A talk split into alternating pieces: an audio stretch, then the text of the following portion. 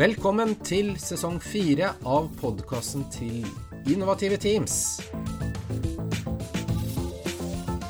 I denne sesongen møter du som vanlig SBGR-nestor og instituttdirektør Endre Sjøvold. Hei, hei, Frode. Orlogskaptein og førstelektor ved Sjøkrigsskolen Stein Hatlem Forsdal. Hei, hei, Frode. Og jeg heter som vanlig Frode Heldal og virker til daglig ved NTNU Handelshøyskolen. God lytt!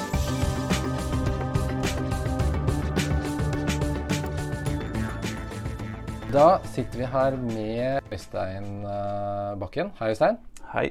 Øystein han har jobba med skal vi si, to av de største skitalentene vi har hatt i Norge på alpinsida på noen år. Det har jo vært mange, men uh, Atle McCrath og Lucas Bråten, mm. det skal vi høre en del om. Og Øystein er jo uh, Han er mye, men uh, grunnen til at vi skal prate med han, er at han er alpintrener.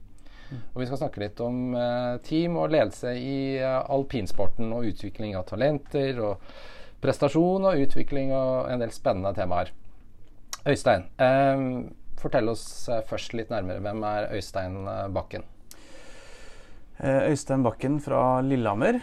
Vokste opp der. Gikk så uh, videre til uh, Oppdal skigymnas, var der i fem år. Uh, så ble jeg trener, og det var en fantastisk 13 år. Uh, Pga. mye reising og familie så flytta vi til Trondheim, og nå jobber jeg i Sparebank1. Mm. Og bruker litt av den erfaringen der, der jeg jobber i dag. Ja. Men Øystein, la oss gå rett på sak. Jeg tror kanskje vi begynner med, kan vi begynne med Bærum skiklubb. Mm. Eh, hvor du har vært eh, daglig leder i mange år og jobba med det som er interessant for oss, nemlig prestasjon og utvikling. Mm. Få høre, ta oss, ta oss, litt med fra starten, kanskje, der. Ja. Eh, jeg kom inn der som U16-trener i 2011. Eh, eh, litt tilfeldig, egentlig. Så er det en annen trener her som heter Felix McGraft, som er da faren til Atle. Mm. Um, som vi tar vel over driften av den klubben rundt jul 2011. Uh, eh, altså da 2012. Um, uh, og så begynner vi egentlig å tanke med å skrive en sportsplan. Og da ble vi egentlig begge to inspirert av eh, næringslivet og på en måte det å sette seg mål, og ikke minst vite hva man har gjort sånn at man kan gjenskape en prestasjon. Den tida så studerte jeg på NTNU, på Olympiatoppens topptrenerutdanning. Som der vi ble utfordra en del på det med sportsplan og målsetting. Og, mm. og, så ser vi at det egentlig ikke er noe vanlig å ha kanskje i idretten på samme måte som man gjør i næringslivet. Mm. Det var en prosess på um, kanskje et halvt år. Eh, ble 70 powerpoint slides der vi hadde en utviklingstrapp fra fra 6 til 16 år. Sånn som vi hadde lyst til at vi skulle utvikle løpere. Um, I den sammenhengen så, så, gikk vi egentlig bakover. Vi spurte noen av landslagstrenerne hvordan de ønska at løperne hva, skulle, hva, slags ferdigheter de skulle ha når de kom inn på landslag. Mm. Så gikk vi bakover til skigymnasene og utfordra en del trenere der, både på Oppdal skigymnas, Dønski og Norges toppidrettsgymnas hva slags ferdigheter skal en 16-åring ha? Og så tok vi og satte hæren helt ned til, til U10 og U8. Mm. Og da jobbet dere da med Plukka dere ut folk som skulle være med på denne? For det var en form for satsing? Nei, vi, vi, det var en, Det var jo klart at Bærum skiklubb er jo en, en, klubb med høye ambisjoner og en historisk sett prestert bra. Det både ja det er jo flere løpere, gode løpere fra 90-tallet som kommer for klubben, så det er, det er et bra nivå på klubben. Ja. Eh, så det er mange som oppsøker den klubben for å komme til et veldig godt treningsopplegg. Mm. Eh, så, så, det er nok en sånn Det er mange som er naturlige medlemmer der. Og så er det noen som oppsøker den klubben fra Oslo-området. Um, så det er litt sånn forskjellig, egentlig.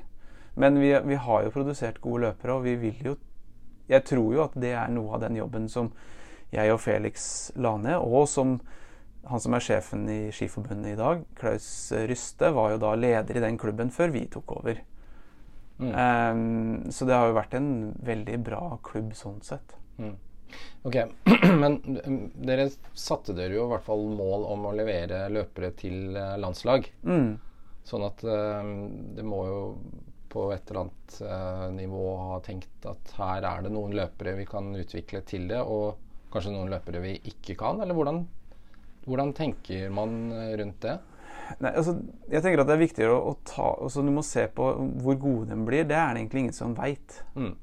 Det er egentlig helt opp til en, en sjøl og hvor mye man vil legge ned av tid. da. For Jeg syns kanskje talenter er et sånt litt vanskelig ord å hekte seg opp på. For noen har jo en lærer kanskje litt fortere, men det kan at de har stått mer på ski enn de andre. så Derfor er de bedre. Mm. Så man må se litt på hva som er årsaken til at de er bedre. Mm. Men de må ta ut sitt potensial. Og noen har jo bare mål om å eh, stå kanskje gjennom U16. Noen har mål om å gå på skigymnas. Noen har mål om å få sponsa studier gjennom college i USA. Noen har mål om å bli landslagsløper. Men vi må sørge for at vi har et opplegg der vi tar vare på alle.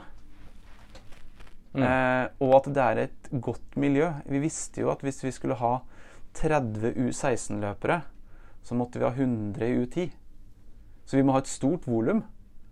Eh, og så var det ofte en utfordring kanskje at det, vi var ikke så spissa i ung alder. Vi hadde mye mer fokus på lek, Mm. pizzakvelder, karneval i bakken. Altså det som skaper et godt miljø. Og kanskje et miljø der du føler at hvis du ikke er der, så går du glipp av noe. For det er god markedsføring og omdømmebygging Mm. for klubben, som er godt for rekrutteringa igjen. Ja. Men her er det viktig også å involvere foreldrene, få foreldrene engasjert. I pizzakveld, timing, dugnad, altså alt det andre. Du må ikke bare tenke på den enkelte løper, du må få med hele helheten ja. også. For Ja. vil, de, foreldre er så viktig del av det her Ja. for å lykkes. Som trener vil du aldri kunne slå kjøkkenbordcoachingen. Nei, nettopp. Det var et spennende ord som jeg hørte av deg tidligere. Mm. Og det derfor må du alltid ha foreldrene på lag. Ja. Og ikke se på foreldre som en, på en, måte en, en fiende, men en viktig link mellom løper-trener. Eh, og det, det har jeg vært veldig opptatt av, å ha en god dialog med foreldrene. Involvere dem, sånn at de forstår hvorfor vi tar de valga vi tar. Det er alltid veldig lett å være etterpåklok, men de må forstå at vi må f.eks. booke en overnatting i mai når vi skal dit i høstferien, for vi skal dit med 100 stykk. Ja, kanskje det er dårlig vær den uka, eller kanskje det er litt dårlige forhold, men det må vi bestemme i mai. Men da er det tilbake til kommunikasjon. Sånn som alt annet er kommunikasjon det viktigste her. Eh, og der tror jeg vi var opplevde vi var veldig flinke, både jeg og Felix, gjennom gode møter, foreldremøter, tre ganger i året der vi informerte om hva vi gjorde, og hvorfor vi gjorde det. Med det grunnlaget vi hadde at vi måtte gjøre noen valg i mai som kanskje hadde en konsekvens i desember. Mm. Og hvis de da valgte å, signere kontrakten og være med Bærum skiklubb på det opplegget, så samtykker de at de er enige med de valgene vi har tatt. Det er helt frivillig å være hos oss. Mm. Vil du kjøre for Heming eller en annen klubb, så er det helt fritt. Ja. Men det, det, vi må høre litt, eh, Øystein. Kanskje koblinga til næringslivet ikke så tydelig, men likevel. Vi, vi må høre litt sånn karikaturen av alpinpappaen. Eh, stemmer den, eller hva Hvordan Jeg er sikker på at du har møtt noen. Hvordan forholder man seg til eh, sånne typer? da, og Karikaturen er jo litt sånn eh, den veldig tydelige sånn, sånn, sånn, kanskje litt penger eh, og brautende, kanskje. Jeg vet ikke hvor, hvor langt vi skal gå. Men Nei, den, den er nok ganske riktig, den beskrivelsen. Uh, men det er jo, de er, de er ofte veldig flinke, gode Ja. næringslivsfolk som, Ja. som stiller spørsmål og stiller krav. Eh, og, og det tror jeg egentlig er bare sunt. Det spørs åssen du ser på når du får et spørsmål, om du på en måte har tatt en gjennomtenkt avgjørelse. Mm. Noen ganger så har du tatt kanskje en avgjørelse som er litt rask, og den, den personen spør om er det her bra. Men noen ganger så er det sånn at du må på en måte også være forsvare barnet eller løperen i det her òg. Mm. Og si at kanskje at du sa, sønnen din har kanskje ikke så lyst til å stå på ski nå. Ja. Han står litt på ski på dine vegne. ja. Og da må du gå inn som trener og kanskje stille de litt ubehagelige spørsmål, som også kanskje kan være litt vanskelig for han som har kanskje lagt ned mye tid og penger og investert i utstyr og reiser osv. Ja. At det kanskje ikke er så lyst. Men da må man se løperperspektivet, da blir det viktigere enn foreldreperspektivet. Ja. Eh, og kanskje si at eh, nå må vi kanskje den coachinga på heisen som du gjør nå Enten så må jeg som trener trekke meg unna og si at vet du hva, for det blir så mye, det blir så mye ord og det blir så mange tilbakemeldinger. Ja. Og da tror jeg det er viktig å gå inn og si til den pappaen enten så får jeg coache, eller så får du coache. Ja. Og hvis du da velger å coache, så kommer ikke jeg til å kommentere, for han får nok input. ja. Det er det mest riktige å gjøre. ja. Klarte du det? Eh, ja, både ja og nei. Skulle kanskje vært flinkere innimellom. Men det handler om den å tørre å ta den, det steget. da, Stille de ubehagelige spørsmålene som, man, Ja. som er viktig å stille, da, Ja. tror jeg. Ja. Det er noe vi kan relatere egentlig over i mange andre settinger òg.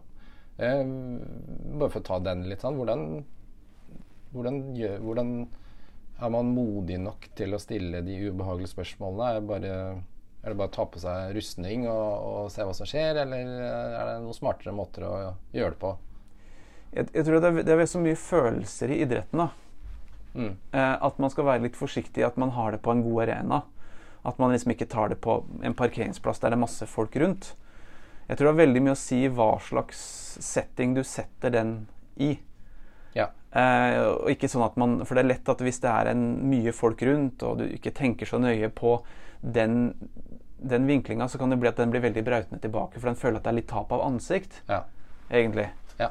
Så her tror jeg det er viktig kanskje å si at du, har du tid til en liten telefonsamtale i morgen? Ja, Og ofte det som kan være lurt, det er jo kanskje da å sende en liten agenda på en tekstmelding der man har skrevet opp hva man skal diskutere. ja. Du forbereder litt, ja.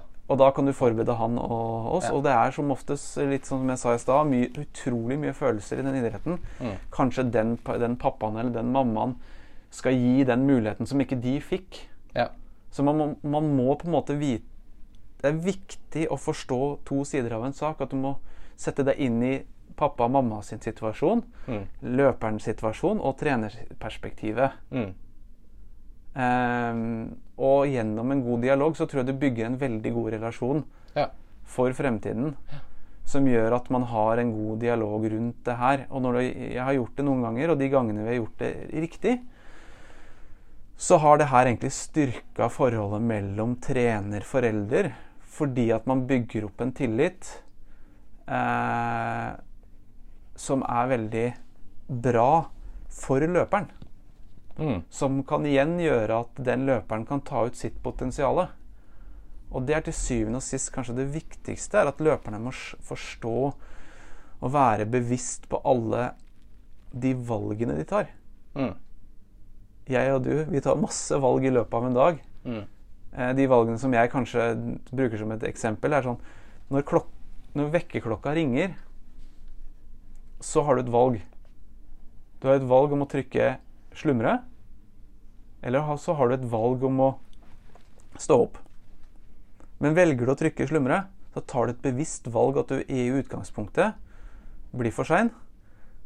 Eh, og den, kan, det, konsekvensen av det valget det er at du kan få en dårlig start på dagen. Du hopper over frokosten. Du kommer stressa på jobb.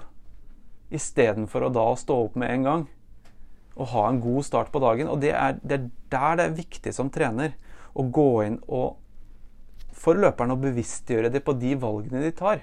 Mm. Er det ti repetisjoner på knebøy, så brukte jeg gjerne speilet i treningssalen og telte på løperne. Så var det åtte Du tok åtte, ja? Mm. Så kan jeg gå bort og spørre hvorfor tok du åtte istedenfor ti. Mm. Men da er det viktig at du må tenke på avsender, mottaker i forhold til den kommunikasjonen. For den, det kan være at den løperen har vondt i kneet, eller hadde telt feil, eller det var så tungt at den ikke fikk med seg at det ble åtte. Da må du ikke anta at den jukser, eller slipper unna. Men du må, da er det så viktig som avsender, mottaker av en feedback hva, hvordan approach du kommer inn med Mm. som er helt avgjørende for hvordan det svaret skal bli òg. Mm. Det tenker jeg, da. Ja, nei, men det er spennende. Vi, det skal, vi- vi kan komme litt tilbake til eh, det må vi, vi må gå grundigere gjennom liksom, den, den konstruktive tilbakemeldingen, som du, du jo er litt inne på nå.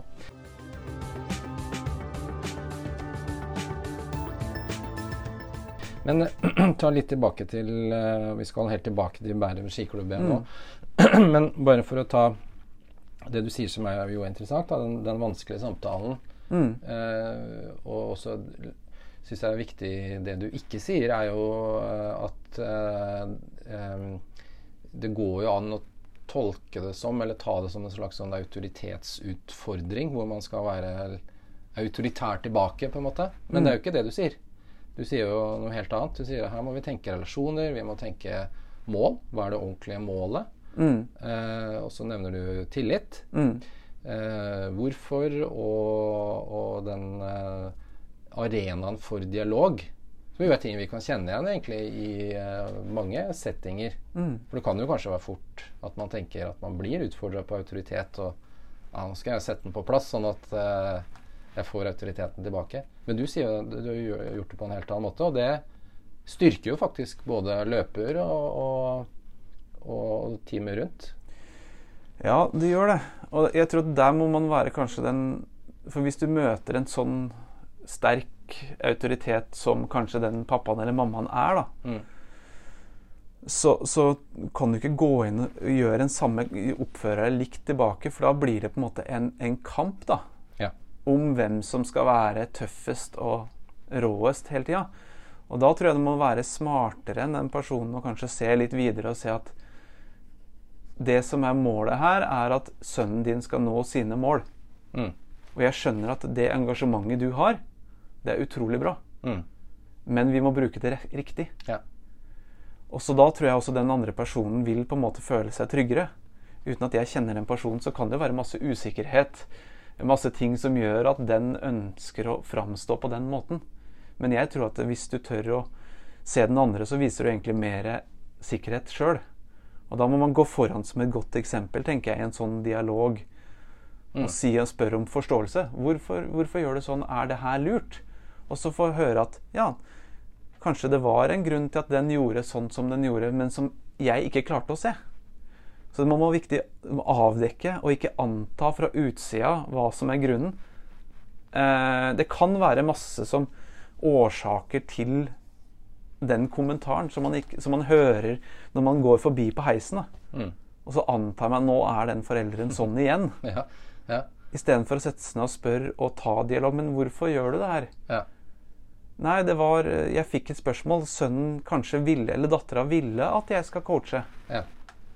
Og jeg har også trent en, en, en løper som jeg kanskje ikke nådde helt inntil, der pappaen var nådde den dattera så utrolig godt. Ja. Og da skjønte jeg at det var lurt av meg å sende den jenta to, tre, fire dager, kanskje mer, i måneden med faren sin aleine. Ja. Fordi at det var det beste for hun. Ja, nettopp. Ja, det går jo tilbake på deg og hva som er best for Ja, og, hvis jeg, og da må jeg gå til pappaen og spørre Men hva er det du gjør som ikke jeg får til? Ja.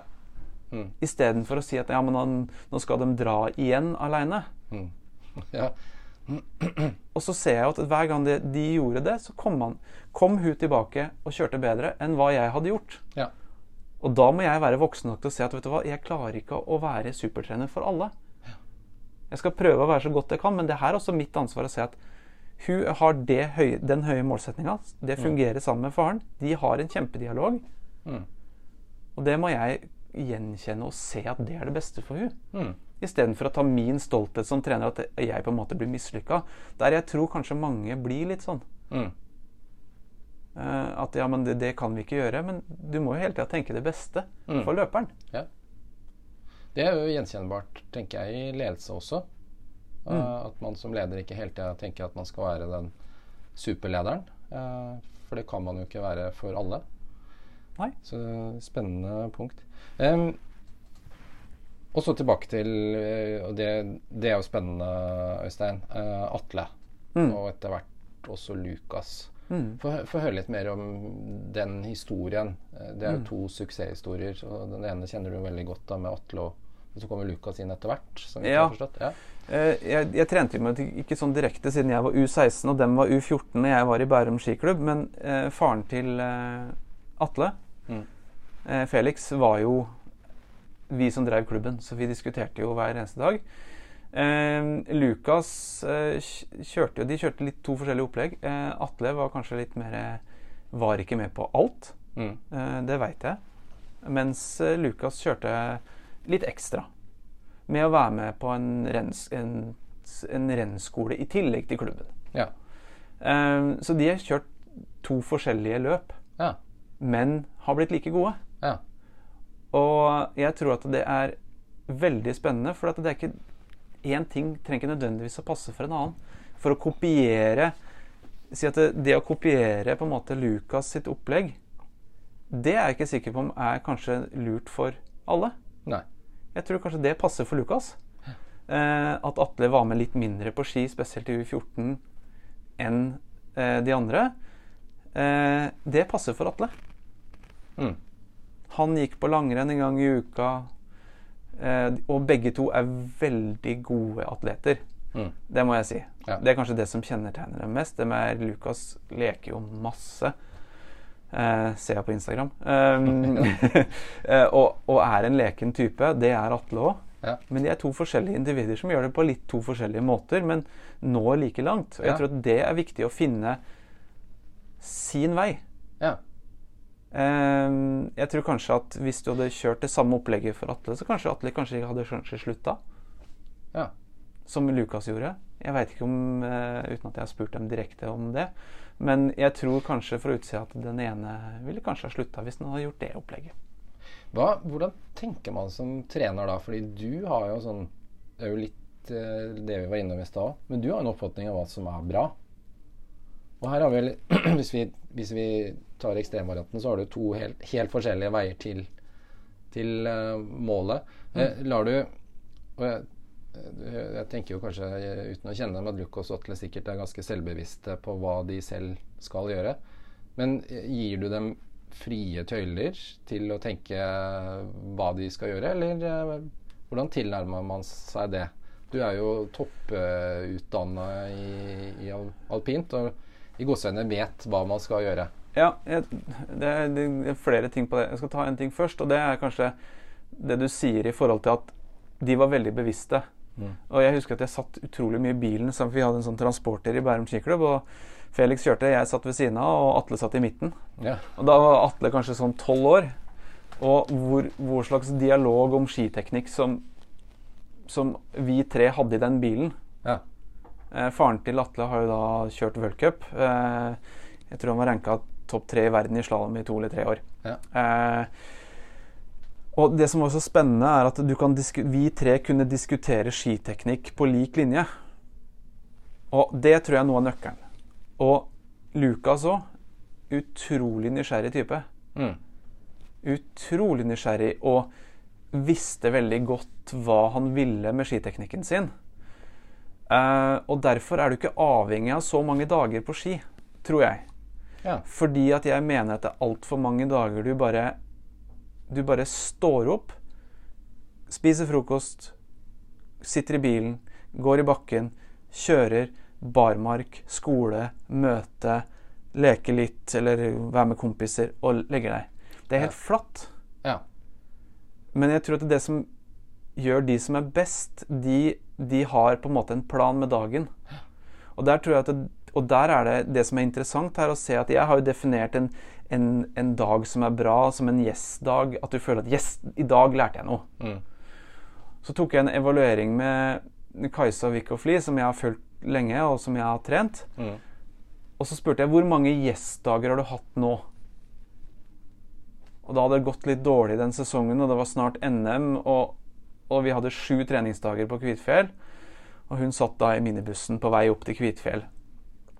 Ehm, og så sa hun ja, du har hatt uh, fem dager. Så ja, men vi har sju dager nå. Det vil si at vi har, vi har mulighet til å utvikle oss like fort på de sju dagene vi skal ha, og mer enn hva du har gjort i hele år. Mm. Så spør jeg, men hva har du gjort de dagene? Hvor, hvorfor har du ikke hvis det går dårlig, så må du i hvert fall lære noe av den dårlige prestasjonen. Hvorfor ble det som det ble? Mm. Og det tror jeg kanskje er det som er avgjørende. Jeg er kanskje ikke så opptatt av at du, skal, du må ha det her av mengde, men at du må være påskrudd Mm. når du først gjør noe. Sånn at du får det utbyttet, eller den læringa, av den dagen. Mm. Og det er viktig. Mm. Og det skjønte jeg vel mer og mer når jeg ble trener, at det her nøkkelen ligger. Mm. Og da er det en bevisstgjøringsprosess, litt tilbake til det jeg sa tidligere, med det å gi feedback. Og så må man kanskje grave i hvorfor, hvorfor er du ikke påskrudd nå. Er totalbelastningen for høy? Er du a jour på skolen? Eh, er det noe på hjemmebane Mm. som gjør at du, du ikke har huet ditt der, på ski, eller på den knebøyøkta? Mm. Ja, og vi kan jo godt fortsette med Kajsa Li, eh, som du jobba tett med. Mm. Eh, Du kan jo bare kort fortelle hvor langt hun nådde. Hun er kanskje ikke like kjent som Lukas Bråten og Nei. Atle McGrath. Det må jeg ikke det. Hun har en andreplass uh, fra Garmisch-Partenkirchen i, Storsdal- nei, i super-G uh, i World Cup. Mm. Da var hun 21. Så det er samme alder som Lukas og Atle er nå. Hun er da født i 98, og de to er jo født i 2000. Ja. Så hun er to år eldre, men har hatt et veldig stygt beinbrudd. Ja. Eh, som hun er tilbake nå, nå som gjør at hun kan kjøre på ski uten smerte, i hvert fall for første gang nå. Så hun har vært ute i ett og et halvt år. Eh, veldig interessant fordi at hun skjønte det veldig tidlig hva som skulle til. Om hun skal jeg si, er det største skitalentet eh, Det er jeg litt usikker på, men hun gjør den jobben som skal til. Og hvis hun ikke veit hva som skal til, så oppsøker hun de folka som har den kunnskapen. Og, vi, og det, det opplever jeg Lukas og Atle og alle de som er på en måte blitt veldig gode, som veldig nysgjerrig. Og de er det tidlig. Ja. Um, derfor, uh, når jeg gikk på Olympiatoppens topptrenerutdanning, så lagde jeg ble, var det et prosjekt som sa de skulle få eierskap til egen teknisk utvikling, var min oppgave. Mm. Ehm, året før jeg var i Bærum skiklubb, så trente jeg da 19-22-åringer som to av dem Én var et ranka topp 100 i verden og gjorde den samme gjennomgangen.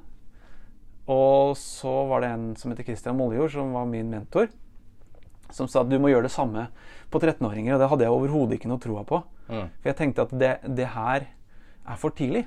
Mm. Og så sa han nei. Du må utfordre dem så tidlig. Så jeg kjørte da 45 minutter samtale med Kajsa og hele den gruppa. Mm. Og jeg fikk akkurat like gode svar der. Mm. Og den bevisstgjøringsprosessen som kom ut av det De skulle liksom ha eierskap til sin egen tekniske utvikling. Hvordan de skal stå på ski, og hvorfor. De skulle presentere liksom et bilde av seg sjøl og forbildet sitt. Det var en utrolig spennende prosess å være med på, fordi at de ble så bevisste etterpå. Så jeg trengte ikke å være en trener. Mm. For de visste hva de skulle gjøre, og hvorfor. Og det å være, ha det her, og da er vi tilbake til det jeg snakka om i stad, at du må, du må ha det klart hva du skal gjøre før treninga. Mm. Og så må du være så, såpass systematisk at du må sørge for at du har en, en mulighet for å kunne komme dit, sånn at du kan prestere på høy, ditt høyeste nivå.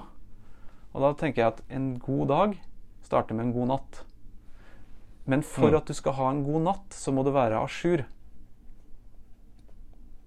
For hvis du har masse ting du ligger og grubler på, kvern, hjernen kverner rundt på ting hele tida, så ligger du bare og vaker gjennom natta. Mm.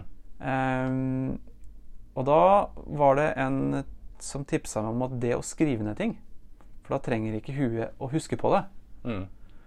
Um, så jeg har jo en bok liggende på nattbordet Ja. der jeg kan skrive ned for at jeg skal få en god natt, sånn at jeg får en god dag.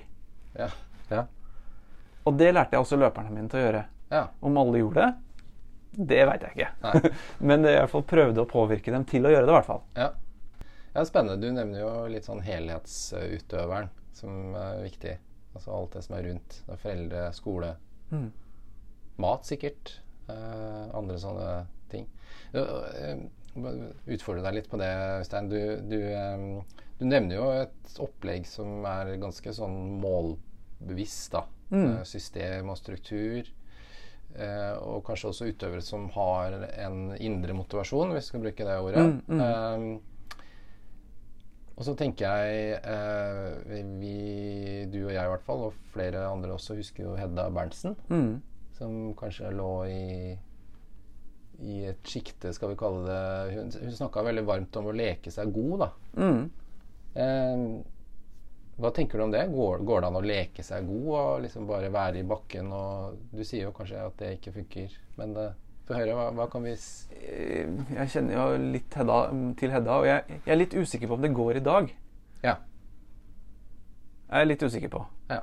Fordi at nivået har blitt så høyt, og at det er på en måte en, en, en viss Du må Du må faktisk kjøre en del portpasseringer i slalåm for å bli god. Ja, rett og slett. Ja. Ja. Men at grunnferdigheten i bunn Ja, kommer gjennom lek, det har jeg veldig troa på. det går an. Ja. Ja. Eh, mens du ser at eh, Henrik Kristoffersen har kanskje ikke lekt seg så mye. Nei. Eh, mens eh, kanskje Lukas har lekt mer. Men Ja, okay. de blir likevel veldig gode begge to. Ja. Mens kanskje motivasjonen til Henrik er mer den kjøre rundt den rød-blå. Ja. At det er det som er motivasjonen hans. Ja. Mens Hedda sin var kanskje mer det med å gjøre masse forskjellig som hun Kanskje går ting Jeg burde vi ha spurt Hedda, da, men, Ja. men at det, kanskje hun går lei ting litt fort. Ja. Men, men det òg er jo et lederansvar. ja. For her må du lage et opplegg som Jeg tenkte jo ofte at det var Jeg hadde to arbeidsoppgaver. Det var tilrettelegge og motivere. Hadde jeg umotiverte løpere, så hadde jeg et kjedelig opplegg. Mm. For du kan leke masse. Mm. Du kan kjøre seks timer på ski. Du kan ha en morsom barmark. Du kan ha f.eks. at du løper en stafett med spille tre på rad, eller et eller annet som gjør at det blir masse gapskratt. Du kan ha det kjempegøy. Du kan kjøre hermegåsa på slutten av økta. Du kan lære dem å ta backflip. Så du må, du må på en måte Du må få det du må ha av det spesifikke. Men hvis det er en pudderdag, og det har snødd masse, Mm. så kjører du treninga likevel. Du drar i skogen. Mm. Eh, og jeg tror at i dag så leker barn generelt mindre. De er vant til å bli underholdt mye mer, og det stiller også høyere krav til treneren og opplegget, Ja. tenker jeg. Mm. Eh, vi hadde et mål i U12 at alle skulle kunne klare å løpe på tærne naturlig Mm. i Bærum skiklubb. Mm. Og det tror jeg at eh, hadde gått langt tilbake i tid, så tror jeg det hadde vært en naturlig del. Ja. Og at vi la inn i barmarkstrening å klatre i trær. Hvem er det som klatrer i trær i dag? Ja. Men så Derfor må det være mye mer variert i opplegget, Ja. eh, som kanskje passer mer Hedda Ja. i dag enn kanskje Jeg veit ikke. Ja. Nei, men det, det Du sier jo kanskje kort og godt at eh, folk blir motivert av forskjellige ting. Mm. Og det må man som leder være bevisst på, rett og slett. Ja, for jeg tror det er, det er litt interessant å se på en måte Det er noen som er veldig resultatorientert. Mm. Og så er det noen som er veldig prosessorientert. Og så er det noen som, blir, så du avdekker hva er motivasjonen din, Mm. og hva er drømmen. Mm. Det må du, det må du finne ut av. Mm. Jeg, det, jeg tror at det er helt naturlig at det er noen dager i livet du ikke Du er ingen som er toppmotivert 365 dager i året. Nei. Hvis du sier det, så tror jeg nesten ikke på deg, men. Ehm, du, Og det, jeg tenker at der må det være en dialog, og der er vi tilbake på gruppa og teamet. Mm. Så hvis jeg hadde en dårlig dag, så måtte jeg si det til løperne mine. At vet du hva, folkens, i dag så er ikke jeg så motivert. Ja. Og da, hvis du har en riktig gruppedynamikk, så skal den gruppa de andre som er toppmotivert, dra meg opp. ja. Jeg skal ikke få, prøve å få med alle ned. Nei, nei. nei. Ikke sant? Ja. Det er veldig forskjell på det. Mm. Eh, og da må vi Og da hvis jeg starter å si på morgenen at vet du hva, i dag har ikke jeg noe særlig motivasjon. For at hvis du ikke sier det, så lurer jeg på hva er gærent nå. Har vi gjort noe gærent? Mm. Eh, har vi har vi, er det, en, hvorfor er Øystein sur i dag? Ja. Og så er det det som er diskusjonen på heisen, istedenfor teknisk utvikling. ja, ikke sant. Ja. Og da snakker vi fra Marit Breivik sin energilekkasje. Det er en energilekkasje som gjør Mm. at de ikke kan ta ut sitt potensial, eller få den gjestdagen som jeg snakka om tidligere, eller Mm. få den, ja, det løftet teknisk, da, eller et eller annet. Mm. Så det er viktig tilbake til kommunikasjon. Mm. Å si ifra at i dag har jeg en dårlig dag. Og det må være lov. Det, det er helt lov. Ja. Istedenfor at mange løpere sier at «Ah, 'jeg har litt vondt i kneet i dag', og så er det egentlig vondt i vilja. Ja. ja. Og da hvis du sier det til trener, for jeg, jeg gjennomskuer det når det er på en måte litt fake. For at det,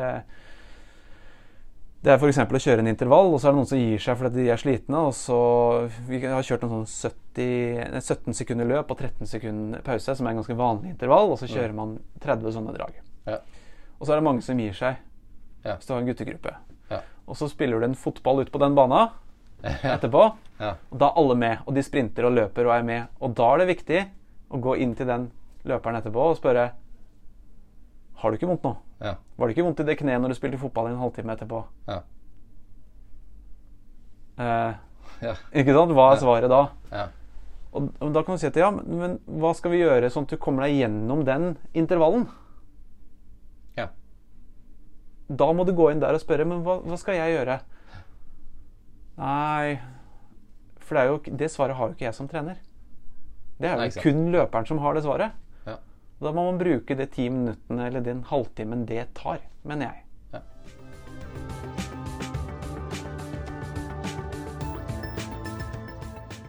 Ok, Øystein. Vi, vi Veldig mye spennende. Og vi, vi er jo i alpinidretten. eh, og vi bruker alpinidretten. Så får vi Vi, vi snakker jo litt sånn eh, Overføringsverdien til ledelse generelt ligger jo ganske mye under. Eh, så eh, det, det må vi bare prøve å, å Lytteren får eh, være med så godt den klarer på det. Eh, men vi må, vi, vi, vi må fortsette i, i alpinidretten og dette med team. For det, alpint er jo uh, en individuell idrett. Mm. Og så ser vi jo, vi som ser på TV, ser jo noe veldig spennende. Og det er jo f.eks. at Kjetil Jansrud, når han kjørte sammen med Aksel da, eh, for noen år tilbake, så kunne Kjetil kjøre først. Mm.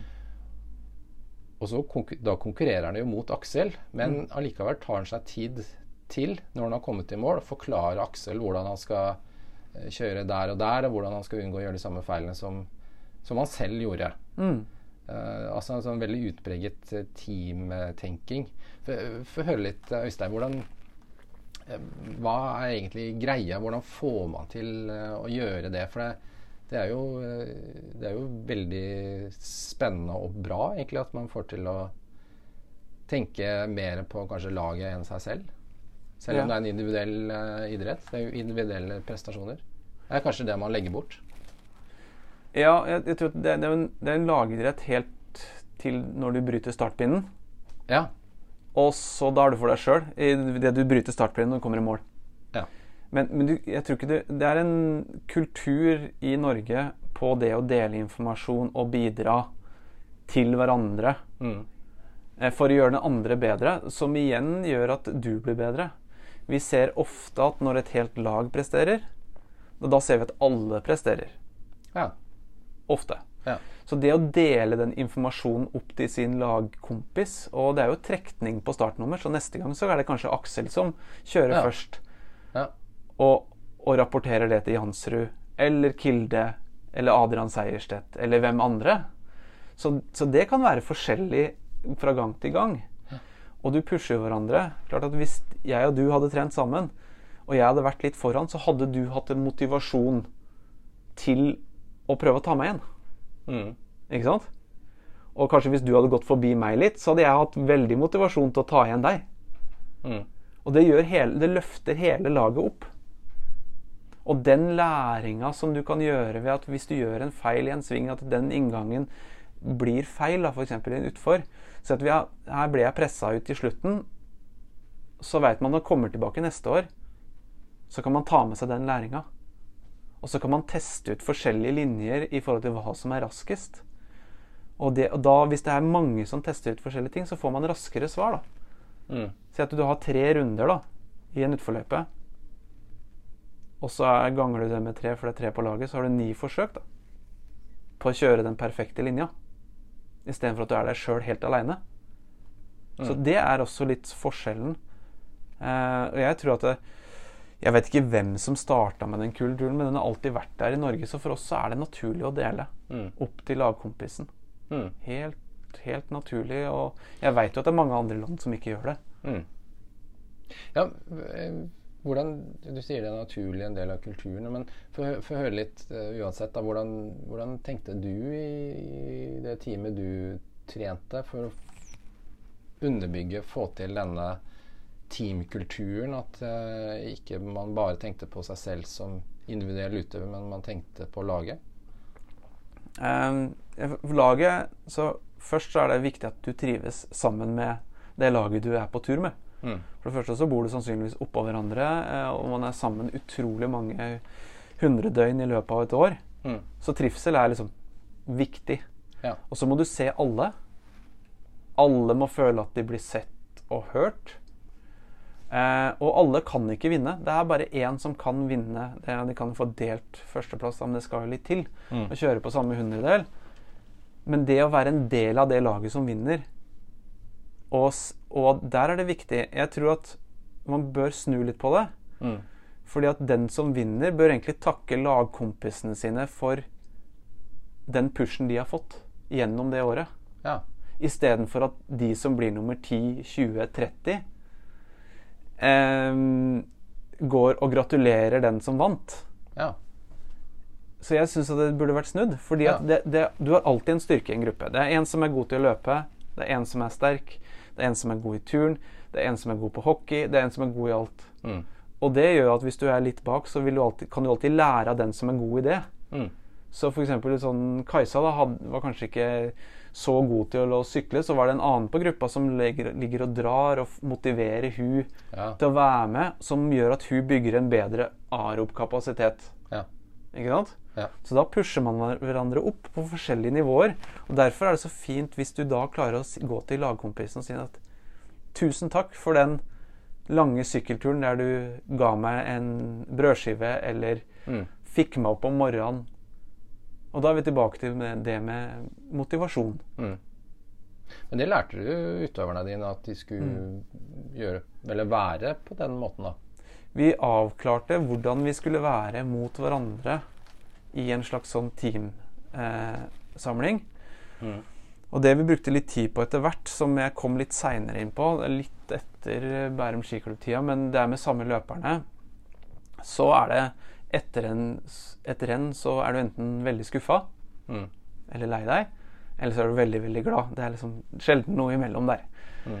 Eh, og da måtte man avklare hvordan man skal være, for at det er noen som trenger et kvarter for seg sjøl, og da må de få lov til å få det kvarteret for seg sjøl.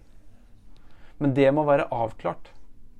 Igjen tilbake til kommunikasjon. Mm. Da må vi spørre hver enkelt løper hvordan vi, hva er greit for deg. Vil du at lagkompisene skal komme bort og trøste deg med en gang? Mm. Eh, vil de på en måte Hvordan skal det være? Og da slipper du masse gnisninger. For at jeg har hatt noen konflikter pga. at en løper faktisk var skuffa og lei seg. Gikk, så var det noen som prøvde å gå etter, så ble han bare mer Ja. sint. Ja. Ja. Eh, og så ble det sånn Ja, men den liker ikke meg. Det handla ikke om det i hele tatt. Og så ble det en splitt i den gruppa. Ja. Og når det blir splitt i en sånn gruppe, så er det ingen som presterer. Nei. Rett og slett. Um, og da er det tilbake til kommunikasjon og avtale ting på forhånd. Mm. Så det, det er helt avgjørende. Men det lærte jeg litt mer etter hvert om hvor viktig de avklaringene var. Mm. Uh, og at man lager en arena der det er tillit nok i gruppa at de tør å si det som det er. At det, det her er litt vanskelig for meg, eller sånn er krevende fordi at sånn og sånn. Hvordan lager man en sånn type tillit og trygghet? Mm, jeg har jo min metode. Ja. Eh, og det er litt sånn at der må du ta deg litt den leder-trenerhatten og være Ja. litt mer personen Øystein. Eh, og tørre å åpne seg sjøl først. Ja. Eh, være litt ærlig på at jeg har også gjort masse feil. Jeg er ikke perfekt på noe som helst vis. Ja. Eh, og at du rett og slett tar den runden ved å rett og slett gå foran som et godt eksempel og si at det, man gjør feil, og ting går opp og ned i livet.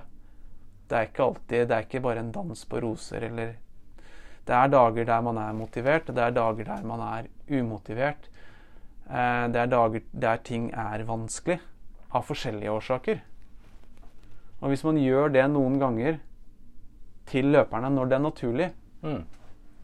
så bygger man et veldig sånn sterkt bånd eh, med tillit. Ja. Og det er ikke alltid at de tør å si det, men da kanskje ha en slags tillitsvalgt i gruppa som kan si liksom Hei, Stein, skal ikke du ta en prat med han eller hun nå? ja. Men den tør kanskje ikke å ta den, Selv, ja. ta den selv. Ja. Og da er det bare å si at vet du hva, banke på rommet og si at du skal vi ta oss en prat. Ja. Og det å tørre da å spørre sånn virkelig, hvordan har du det sånn egentlig? Mm. Jeg tror vi er litt sånn overfladig. Overfladisk. Liksom hele tida. Mm. Litt sånn Ja. eh, litt sånn USA. At vi spør sånn, hvordan har du det, så svarer de ja, du, jeg har det kjempebra, men du har det egentlig ikke så bra. Og det, da, da er vi tilbake til den gruppedynamikken og de reglene som må avklares på forhånd. Mm. At hvordan, hvordan skal vi være mot hverandre? Hvilke spørsmål skal vi tørre å stille? Mm. Og hvis det er en som sier at 'nei, jeg har det ikke så bra', så må man tørre å sette seg ned og spørre men er det noe du har lyst til å snakke om. Mm. Eh, For jeg tror de fleste har lyst til å snakke om det. Ja. Eh, hvis det er foreldre som skilles, eller Altså, det kan være alt mulig. Ja. Det kan være første gangen du Første kjæresten typen slo opp. Jeg trodde ikke at verden skulle gå, kunne gå videre, men han gjør jo faktisk det. Mm. Men, men det kan være sånn Ja, men det her vil du klare å se når du får det litt på avstand, at det her kan du lære av. Og Mm. det her kan du gjøre sånn og sånn med. Mm. Og hvis den på en måte den du får til den dynamikken i gruppa, så, så ruller ting av seg sjøl. Mm. Men uh, igjen, det, treneren må ofte da gå inn i den rollen og tørre å gjøre det. Jeg vet det er mange som er veldig uenige med meg i det. Som sier at nei, den avstanden, det, jeg vil ikke gå i den, ned Mm. den gata. Ja. Men jeg tror ikke du da får de resultatene. Nei. Tror jeg. Ja. Nei, og det, det har vi jo vært innom en del ganger i poden også. I hvert fall kanskje det du nevner med Skal vi bruke ordet nysgjerrig Mm. på hvorfor? Ikke bare sånn konstatere at utøveren eh, eller ansatte, skal vi si det sånn, presterer på ett nivå, og så ikke bare umiddelbart anta at det er fordi eh, man er eh, dårlig, har en dårlig holdning eller et eller annet sånt. Det kan være mange andre årsaker, men det veit du ikke før du har spurt. Nei. Før du har tatt den praten. Og jeg tror det er derfor det er så viktig å tørre å ta den praten. Mm. Det, men der, der er det um, veldig heldig med det å være trener, da.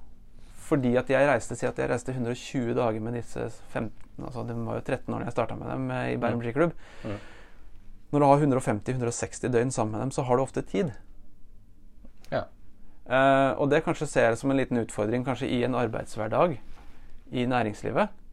Og det å ha som leder å ha tid til å stille disse spørsmålene. Ja. Fordi at du har så mange andre arbeidsoppgaver, og så er du litt leder. Ikke sant? Ja. Kanskje på si. Ja.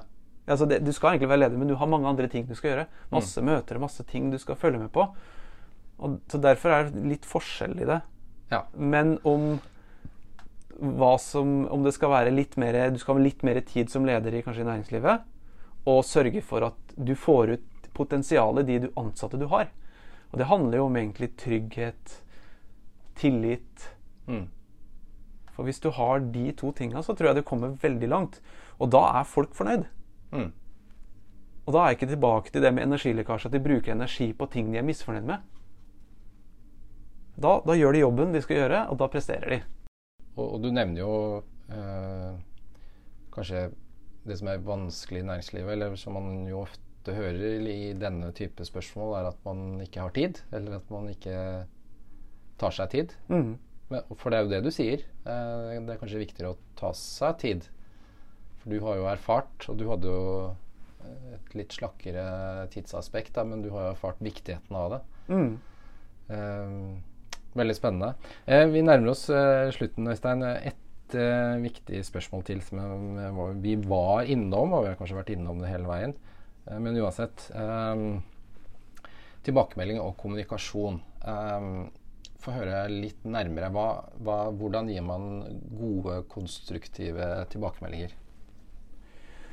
Eh, regel nummer én hos meg eh, Vi skal snakke om hva vi skal gjøre. Mm. Vi har aldri fokus på det vi ikke skal gjøre. Ja. Eh, vi, vi har kun fokus på det vi skal gjøre, og så jobber vi Det er lett å bli ivrig her, så det, der har man helt sikkert gjort bomma mange ganger. Men, men i utgangspunktet så skal man jobbe med det man har satt seg mål om den perioden. Mm. Man skal ikke drive og Hvis vi har blitt enige om at det er den arbeidsoppgaven vi skal jobbe med i den måneden, som jeg mener at vi må, vi må bli enige om det på et slags møtetidspunkt at det året her, Mm. så jobber vi med det. Ja. Og da skal ikke man drive og si at ja, men du, du gjør ikke det bra. Nei. Når vi jobber med den tingen, så skal vi evaluere den tingen. Ja. Kun det. Mm. Og så er det det som er viktig for meg, er jo å se det man gjør bra. Mm. Hvis man har 40 svinger, da, som ofte det er et snitt på i storslalåm f.eks., så om man har én god sving, så er det den vi skal forsterke. Ja. Eh, da skal du stille det spørsmålet Men hvordan, kjente du den svingen? Og hva gjorde du der? Og hvis du sier at nei, det veit jeg ikke, ok, gå opp og prøv igjen. Så må du finne ut hva du gjorde. Eh, og så må vi, når vi har funnet ut hva du har gjort, så må vi prøve å si at mål for neste tur, det er å få til to. Mm. For der, der mange tenker feil, da, det er at hvis de gjør en feil, så er det den de husker. Mm. De husker aldri de positive tinga, og derfor mister de sjøltilliten. De tror ikke at de kan, og de gir opp. Mm. Så Derfor er det det å forsterke det som man gjør, gjør bra, og bygge videre på det hele tida. For Mm. ma mamma har, når jeg datt f.eks. på innerski, da, for oss som har stått på ski, så så jo hun at jeg datt. Mm. Men det kan alle se. Jeg trente jo ikke en god trener for det. Men at jeg kanskje den svingen før jeg datt, var den beste jeg hadde gjort noen gang. Mm. Så er det jo den jobben til treneren er å gå inn og forsterke. Husker du hva du gjorde før den svingen? Mm. Men eh, ta dere vi, vi, vi må være konkret, for det, dette er såpass uh, spennende og, og har overføringsverdi til alle settinger, tenker jeg da. Eh, du som trener, eventuelt også som leder, men ta deg som trener nå. Du ser hva som er bra. Mm. Ja. Og i din konstruktive tilbakemelding eh, så du griper tak i den situasjonen. Mm. Sier du da hva som er bra, eller spør du utøveren om han eller hun klarer å tenke selv? Ja, for Det hjelper jo ikke hvis jeg Jeg tror at her er det Vi gir alltid svaret til løperen. Ja. Jeg veit jo hva som er bra, for jeg har jo sett det. Ja, ikke sant? Ja. Men hvis ikke løperen veit at det var bra, så må jeg på en måte sørge for at den kjenner at det her var bra. Mm. Eller gjennom video vise, f.eks. Mm. Men det beste er å kjenne sjøl. Mm. Og jeg må sørge for å sette den løperen i en situasjon der den kan gjenta den prestasjonen eller den gode svingen så mange ganger som mulig. Mm. For da, da begynner den å tro at man kan. Og det er det, da er vi tilbake til litt det med prosess versus resultatorientert. Mm. Det er at du må alltid være prosessorientert hele tida. Uh, det kom, så der, der må jeg forsterke og kjenne og sørge for at løperne mine får så mange positive opplevelser som mulig. Sånn at de tror at de kan gjøre det her på renn. Mm. Og da tenker jeg at det med prosess da blir så avgjørende. Og der er jo foreldrene veldig viktige igjen. Hva spør foreldrene ofte om? Hvorfor slo du ikke han i dag? Eller hun i dag? Mm. Men det blir jo helt feil. Mm.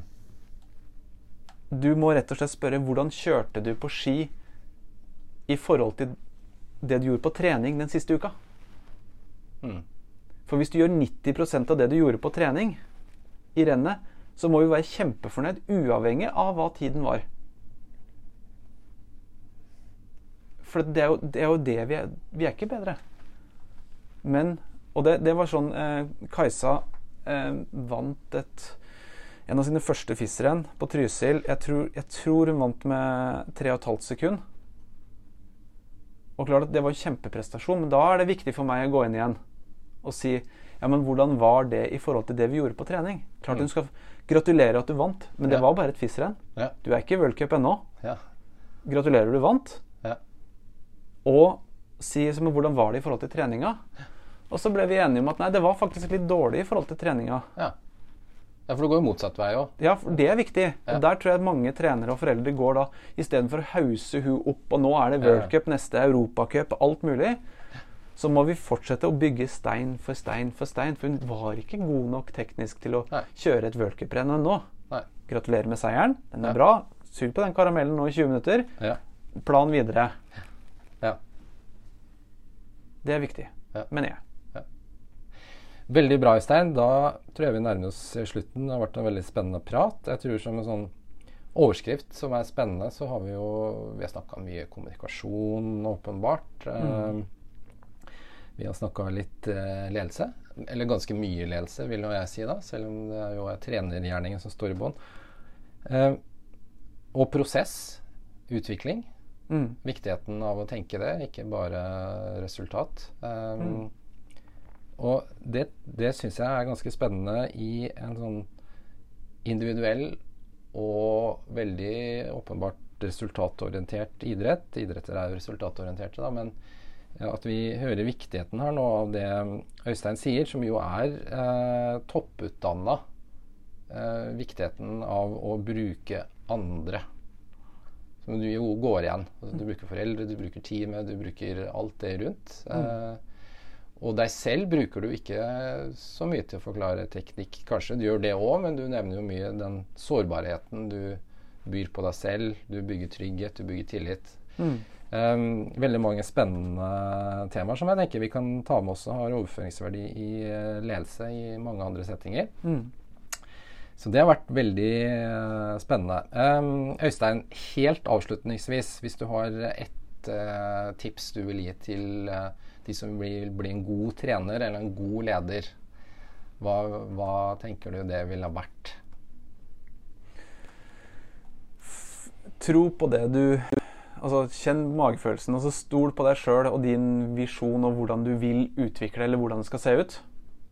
Og så må du sørge for at de andre har det bra rundt deg. Ja. Få løperne, eh, ansatte, til å lytte til deg. Eh, og det gjør du ofte med å kanskje ikke nødvendigvis være den autoritære lederen, men faktisk ta av seg hatten og være en, et medmenneske. Det tror jeg har vært nøkkelen min, i hvert fall. Ja. Veldig bra. Da tror jeg vi avslutter med det. Stol på deg selv og vær et eh, medmenneske. Øystein Bakken, tusen takk. Ha det bra. Lykke til videre.